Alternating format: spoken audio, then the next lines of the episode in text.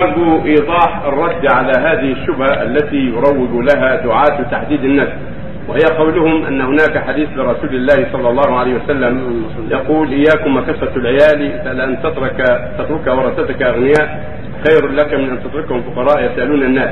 فما مدى صحة هذا الحديث وما الرد على هؤلاء؟ هذا قائل جمع حقا وباطلا جمع حقا وباطلا إياكم وكثرة العيال هذا باطل.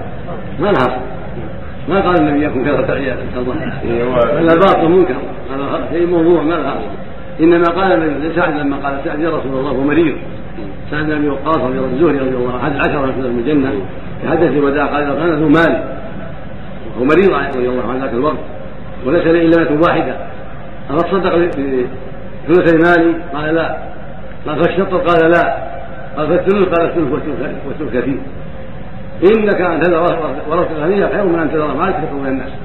فالنبي قال له لا يصدق بأكثر من الثلث. يعني يبقي المال للورثه ولا يصيب بأكثر من الثلث ولا يصدق وهو مريض بأكثر من الثلث.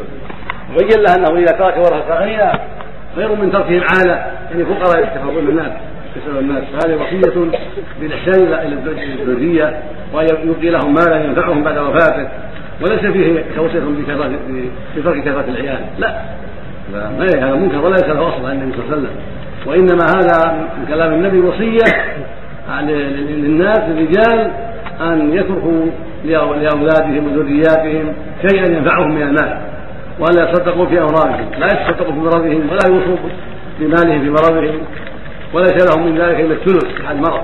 وليس لهم في الوصيه إلا الثلث. حتى يبقى المال للورثة والذرية ينتفعون به ويستفيدون منه.